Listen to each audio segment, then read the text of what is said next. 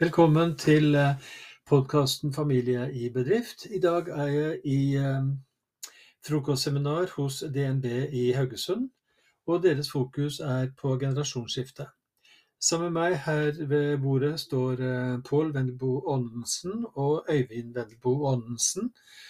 Dere deler eh, daglig ledelse som makkere og fettere i Hagland i Haugesund. Vi har fått et spørsmål, og det handler om hvordan vennskap og relasjoner mellom familiemedlemmer og venner kan utfordres når bedriften eies sammen.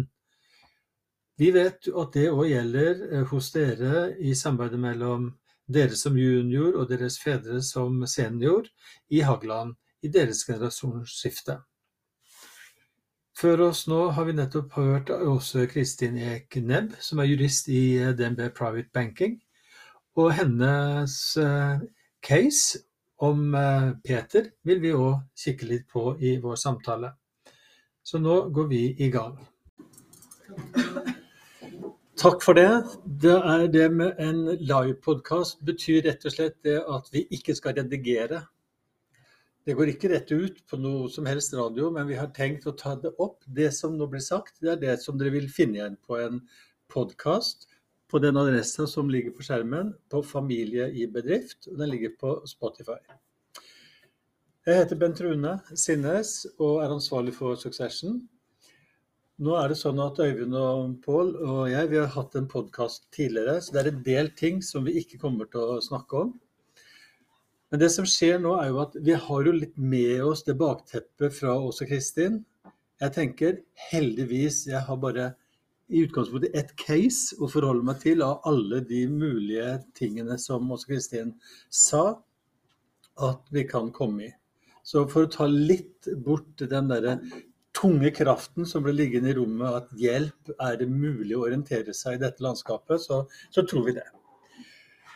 Det som også er litt greit å si når vi tenker generasjonsskifte, det er at det er veldig lurt å tenke flere rådgivere i prosessen. Det er ikke sånn at én av oss kan alt. Og det som i hvert fall jeg har lært en del i samarbeid med jurister, er at som de sier, OK, sannheten fins ikke, men det fins mange, mange retningslinjer og regler som vi må reflektere mellom. Og det er i den sammenhengen jeg har hatt kontakt med Øyvind og Pål i Hagland. Eh, fordi vi har trengt å snakke sammen om ulike løsninger, og ikke minst det å finne sin plass i den organisasjonen. Så Pål. Ja.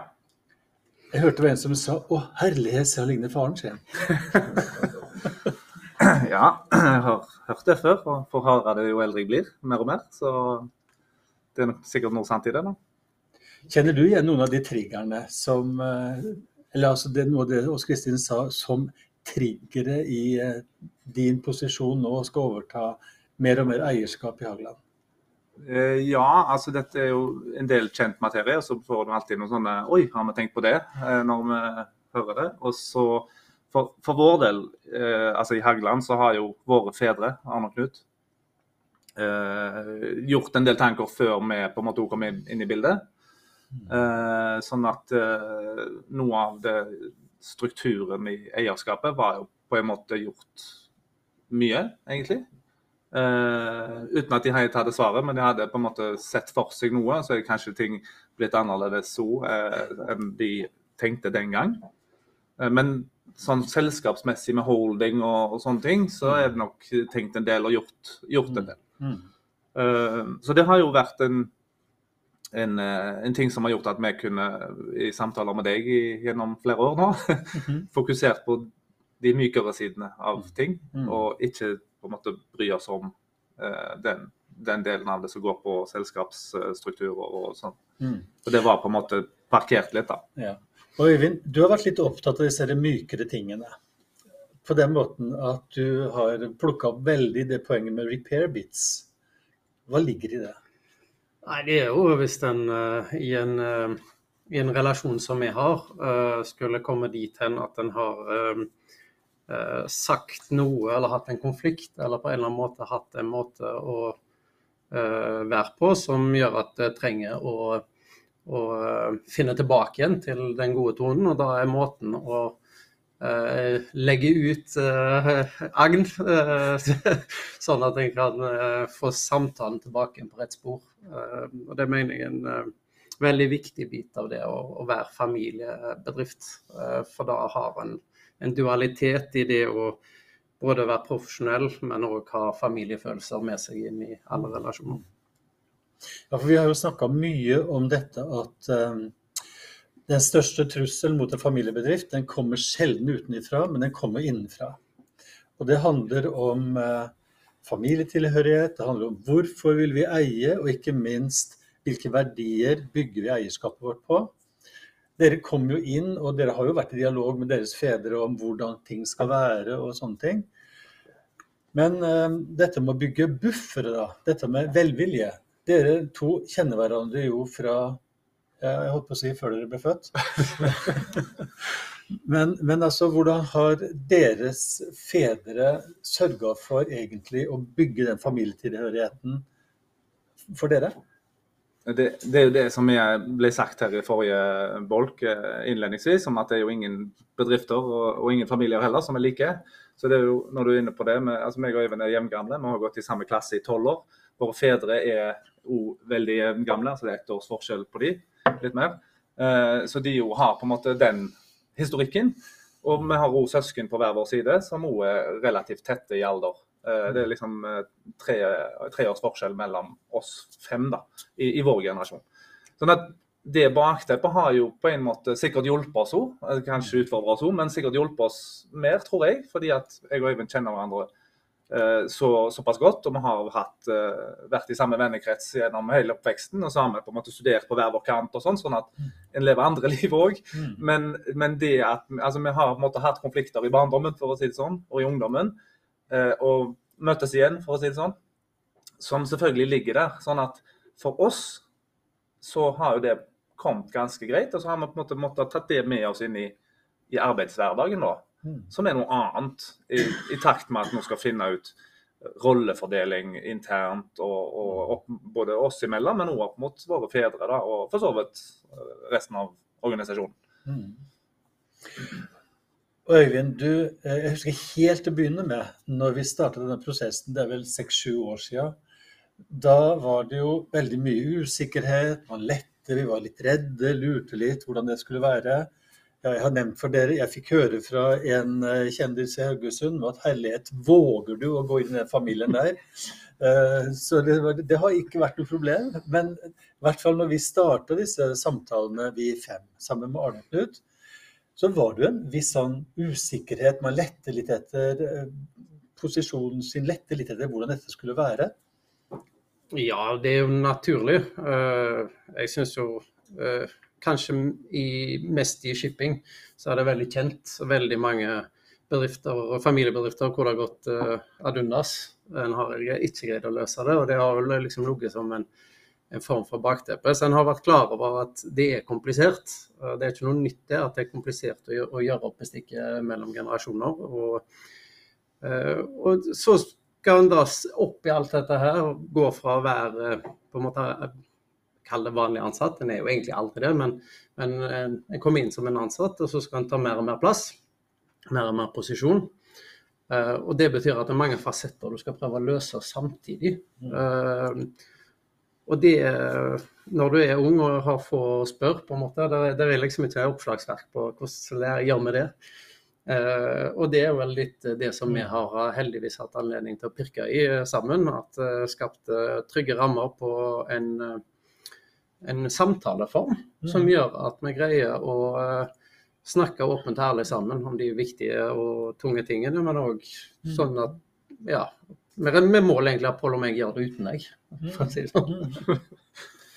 Ja, og det er jo det som altså Du sier Pål og meg, ja. Og det er jo det dere har eh, jobba med. og jeg, ser Fra min posisjon så sa jeg jo her er det to seniorer, altså Arne og Knut, de har realiteter samme far. Så kommer dere inn i bildet, og dere har naturlig lojalitet til de som deres fedre, altså nye personer. Og når Arne og Knut har vært veldig tydelig på at jo det er konsensus som skal gjelde i ledelsen av Hagland, og hvis ikke dere kunne kopiere det samme, så får vi bare splitte opp, da. Eh, men så har vi kommet dit at dere har funnet ut at ok, jo, dere ser det som veldig viktig å fortsatt tenke konsensus når dere, er, eh, når dere drøfter ting. Eh, samtidig så er dere jo veldig ulike. Ja, altså det, Bestillingen var jo litt det. At finne en konsensusform å samarbeide etter. Og så er det jo litt sånn som du sier, Pål og meg er jo tross alt forskjellige, vi òg. Mm. På samme måte som de var egentlig mye mer forskjellige enn folk er klar over. Men det er jo det de har vært gode på. Det er å, å, å bli enige, de to. Finne formen uh, internt. Og så står uh, last og sammen om det eksternt. Og Det er jo litt det samme som vi må gjøre i vår tid, med våre ting. Uh, hvor vi har litt forskjellig bakgrunn. og det er kanskje da enda litt mer forskjellig enn de to, siden de hadde samme far. Um, men, men, det er mye litt det samme å jobbe med det der. Hva skal det bety for oss i vår tid? Um, hvordan skal vi regjere sammen på en måte mm. som uh, fungerer godt for oss, da? Ja, for dere har jo delt lederskap som stikkord, sånn som Arne og Knut har hatt det. Og i dette så blir jo dette med verdier da, ganske sentralt. For når vi snakker om hva som truer, hva som er trussel for en familiebedrift, så er det jo eh, rett og slett ulikhet i verdier. Og Pål, hvordan vil du vurdere det? Nei, du, du, stilte jo spørsmålet altså Du nevnte det i sted, men du stilte spørsmålet til oss når vi starta denne mm. prosessen for mange år siden. og Det var jo et eh, litt sånn banalt spørsmål på en måte, eh, når du først hører det. Og, så, og det var hva er vitsen med å eie? Hvorfor eier vi? Og det, det er liksom utrolig viktig. da. Uh, og så fant vi jo veldig fort ut, altså vi visste jo egentlig, men du må på en måte snakke om noe, mm. at vi var ganske samstemt på det. Både meg og Øyvind, men òg eh, våre fedre selvfølgelig, og, og, våre søsken. At vi har samme bagasjen og, og, har sånn sett det samme utgangspunktet for hva som skal være fortsettelsen. men så er det jo en annen ting som jeg bare ville nevne.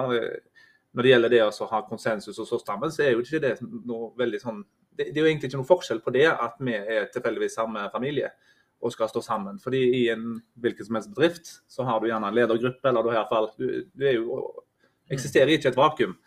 Uh, så de fleste av oss har jo noen å snakke med hver dag. Mm. og så tar en beslutninger litt i fellesskap, så er det alltid noen som på en måte har, skal ha siste ordet. Uh, eller må ha siste ordet. Men, men en står jo sammen om det. Når noe er bestemt at det er den retningen vi skal, så står en jo sammen om det som en, som en bedrift det er jo ikke eh, noen forskjell på det. Sånn så, selv om vi da tilfeldigvis har samme etternavn og eh, sånn, så er det eh, litt annen diskusjoner da, kanskje noen ganger. At det blir litt høyere temperatur fordi at vi kjenner hverandre så godt. Eh, enn det det kanskje er hvis du bare er med håper jeg, kolleger eller ansatte. Dere har jo en ganske flat struktur i Hagland. Og i sånn sett så er det kanskje et godt poeng du sier, at okay, det, er, det er konsensus i mellom ansatte og mellom dere og i det å drifte virksomheten, og stå sammen om det. Øyvind, du smilte godt når um, begynt å snakke om dette med konsensus. Smeller det så veldig da? Nei, ikke sånn veldig, men, men jeg, eh, jeg syns eh, Vi har jo alltid hørt at det er så rart med disse brødrene Brothers som er så ekstremt like. Og hadde de vært ekstremt like, så tror jeg aldri det hadde gått. For det er noe med å utfordre hverandre. Uh, men det jeg sier at det, det å ha evnen til å da lukke døra, finne ut av det, snakke sammen på en god måte, gå ut gjennom rommet og fortsatt være gode venner, uavhengig av uh, hva en ene har ment eller andre. Og jeg må si, jeg har tenkt mange ganger i etterkant hvem av de mente hva, og du har ikke sett det på dem. Fordi de har gått sammen. og, og det er noe med da å gå inn i, inn i et rom når du skal diskutere noe. så går du inn i rommet. Gjør du det for å vinne? eller for å finne best løsning. Og Det er litt forskjellig mentalitet når du starter en diskusjon. Skal jeg nå vinne den politiske debatten, eller skal jeg bli klokere av debatten? Og, og Det er noe med å, å, i en sånn relasjon at det er faktisk veldig lov å snu. Og så si vet du hva, det var et godt poeng, det hadde jeg ikke tenkt på. Og så ta det med seg inn i, i, i hva en mener. Uh, og det er ikke noe tap, det er bare seier med å, å tenke i de banene. Mm. Dere har jo òg hatt et søskenbarntreff og litt flere. Altså dette med familietilhørigheten, det å holde ting sammen. Men det, det, som skjer hos dere nå mer og mer, er jo det at det går fra å være to eiere til å være Dere er vel fem? Ja. Og Arne og Knut vil sikkert henge med en del år, de òg. Så da blir det plutselig syv som er eiere i denne virksomheten. Hvordan tenker dere om eh, det å eie sammen med søsknene deres? Ja, Vi har jo begynt litt på det, da. Og så har vi som du sier, hatt uh, et par uh, treff. som ikke er jo, Det er jo ikke noe sånn formell råd, det er ikke noe styre eller noe sånt. Det er bare et, uh, en samling der vi har gått litt gjennom hva er det status, hva er, det som skjer i Haugland for tiden. og sånn. Vi har søsken som noen er, er tettere på eller har en bakgrunn og og jobb som gjør at de skjønner mer hva som foregår, mens andre er litt mer perifere til det sånn faglige, da, for å si det sånn. Så det har vært uh, greit å få, få de liksom oppdatert, for å kalle det det. Og så er vi jo overhodet ikke måte, i mål på det. Dette er jo noe vi har begynt på. Og så er det en sånn uformell samling, som sagt. Uh, så vi har jo en vei å gå med å på en måte legge de mer sånn formelle rammene fortsatt. Uh, og så er vi jo i bunnen samstemt om liksom, det overordna. At vi er vokst opp med at skal, ting skal være likt. så, så, det ligger jo fortsatt som en sånn undertone. Men så er jo jeg, jeg har to søsken. Øyvind har eh, en søster. så er, det, Der er det en forskjell i antall. Og så er det jo sånn at uh, det er ikke så veldig lenge til før det blir aktuelt med neste generasjon igjen. Mm. Uh, fordi spennet blir uh, betydelig større nå. Nå har eh, eldste i neste generasjon er par 20, eller 21. Mens eh, jeg har en eh, på fem måneder. Så spennet i neste generasjon igjen blir jo bare større og mer komplekst. Så vår oppgave nå i, i vår tid er jo å, å, legge enda mer til rette for at, at strukturen, da, da er det både den der juridiske og alle de mm. tingene, men òg organisasjonen. Og det ble vi jo på en måte hjulpet av at nå har Hagland hatt en, en, fin utvikling gjennom mange år og, og, de siste årene. sånn at i takt med at vi vokser, så gjør det jo på en måte at du får mer spillerom med tanke på eh, organisasjonen og antall ansatte og sånn. Så det, det, tror jeg skal gå greit. Men det er liksom vår oppgave å legge til rette for en litt annen eh, styringsform. da, mm. Som er tilpassa vår generasjon og neste. Mm. Ja, og dette Søskenbarntreffene de vil jo føre framover etter hvert til noe vi kaller en, en, eh, et familieforum. Mm. Som er et uformelt organ i en familie ved siden av styrer. Og det stedet er da hvor alle eierne kan være sammen, de kan dele tanker og meninger om driften og eierskapet. Hvorfor skal vi fortsatt eie? Hvordan skal strategiene våre være? Hva samler oss? Og Da vil det kunne være nyttig informasjon gjennom en familieplattform til styrene. Mm. Og Der har dere en, en, spennende prosess. og som du sier, Dette er vi ikke i land med ennå. Jeg synes, jeg Bare plukke opp en ting du sa der, uh, som jeg syns er litt viktig. og det er uh, Vi vet på en måte, Pål og meg som jobber der hver dag, vi kjenner jo på, på at dette er gøy. Altså Det er jo en bedrift vi lever ånd i. Men det hvorfor vi skal eie, det er vel så viktig for de søskenbarna våre, altså våre søsken, mm. som ikke er der. For at de skal være med på laget, på eh, våre tanker og ideer, og, og vi skal lære av de, så er jo akkurat det å ha et fora hvor en uten eh, barn på skuldra eller eh, sant, unger som roper og, og, alle de andre tingene som forstyrrer oss, at vi kan snakke litt hva er det som vi ønsker, hva er kjerneverdiene i det vi holder på med hvilken retning ønsker vi å sette osv. At vi, vi, skaper den entusiasmen på hvorfor de skal være med på laget, og ikke ender med konflikter som en har sett i veldig mange uh, selskaper uh, nå nylig, uh, ikke minst. Jeg bare tenkte Vi er jo kjent for å snakke mye vet du, i familien, så det, sånn er det bare. Men når, vi står og snakker nå, så er det en sånn liten tanke som slår meg. Det høres ut som vi er på en måte veldig sånn eh, veldig strukturert i tilnærmingen på alt dette her. Og sånn, men det, og det er ikke nødvendigvis sånn. Det, det, er veldig viktig at vi bare, det som var viktig, var at vi kom i gang. Mm. Og så visste vi ikke helt hvor vi skulle. og sånn, Så det er jo på en måte det å komme i gang og prate. Så stilte du noen spørsmål som var litt sånn, litt sånn svevende i første omgang. Men som en trenger tid for å på en måte fordøye, bare la det synke og, og ta opp igjen eh, jevnt og trutt. Og så gir det på en måte mer mening etter hvert, mm. syns jeg. da. At eh, Jeg tror at Eh, hvis vi ikke hadde tatt opp den tråden og tatt av og til, og det er liksom en gang i måneden kanskje, et par timer. Eh, Et lite sånn eh, pusterom. Eh, Slippe litt eh, det en holder på med, og sitte dypt ned i detaljene på hver dag. Og så tar en liksom et lite steg tilbake, og så ser litt på de lange linjene. Mm. Det tror jeg har vært utrolig nyttig og helt avgjørende. Eh, Det var ikke fordi det var en sånn grandios plan om at sånn er dette måten å gjøre det på, men er veldig sikker på at det var rett å gjøre. Ja, Du har nevnt det flere ganger, og jeg tror det har vært viktig òg. Når jeg har kommet inn til dere, så har det vært noe med å sette dere på fokus igjen. Så det har vært en sånn rød tråd som dere har hatt muligheten til å tenke rundt. Altså Poenget er at et generasjonsskifte, det tar jo tid.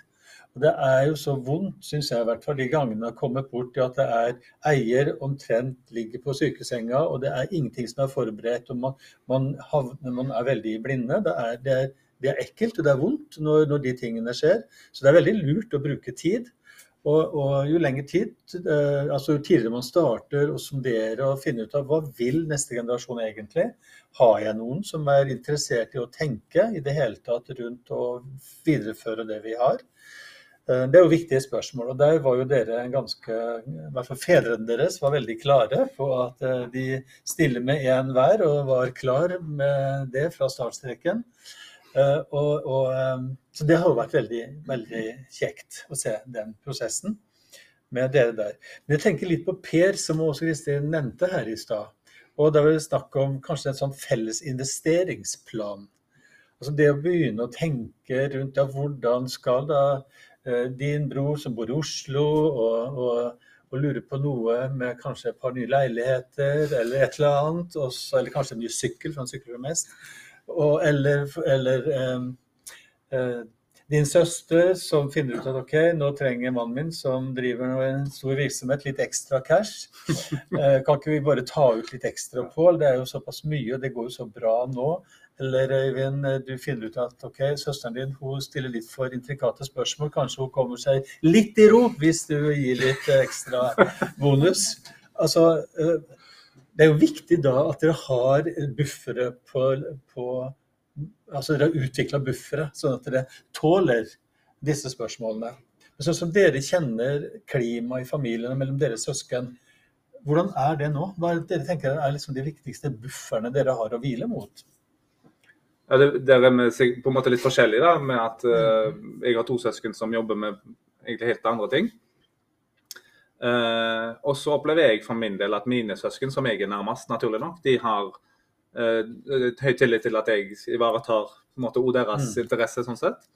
Uh, så, og så har vi jo eh, så langt ikke blitt utfordra på det at eh, altså si utbytte og liksom hva en skal bruke en eventuell overskudd til, så har jo stort sett alt hele tiden gjennom hele historien i Hægeland blitt eh, reinvestert i egen virksomhet. Og det har jo fortsatt sånn at eh, Og det har det ikke på en måte blitt som jeg sier, utfordra på. Og så kan det jo være at det kan endre seg, for det blir jo annerledes nå. Med at du har eiere som, eh, som ikke, ikke er samtidig ansatt. For det har jo ikke Haugland egentlig hatt før. Nei, og det er noe med det at dere ser veldig godt, og dere, deres roller er ja, Det er godt dere er team, syns jeg. Fordi alltid når den som er øverste leder i en familiebedrift, den hører til blant eierne, den hører til familien, og den jobber der. Så I tillegg så er den øverste ansvarlige. Den rolla er ganske ensom, egentlig. Men sånn som når dere da har valgt, eller i Hageland-systemet velger man det som et team, så er jo det en veldig interessant måte å drive på. Fordi dere har jo veldig støtte i hverandre. Dere har eh, det engasjementet, men samtidig så er det dere som må se behovene ut til deres søsken. Alt skal dere forvalte. Mm.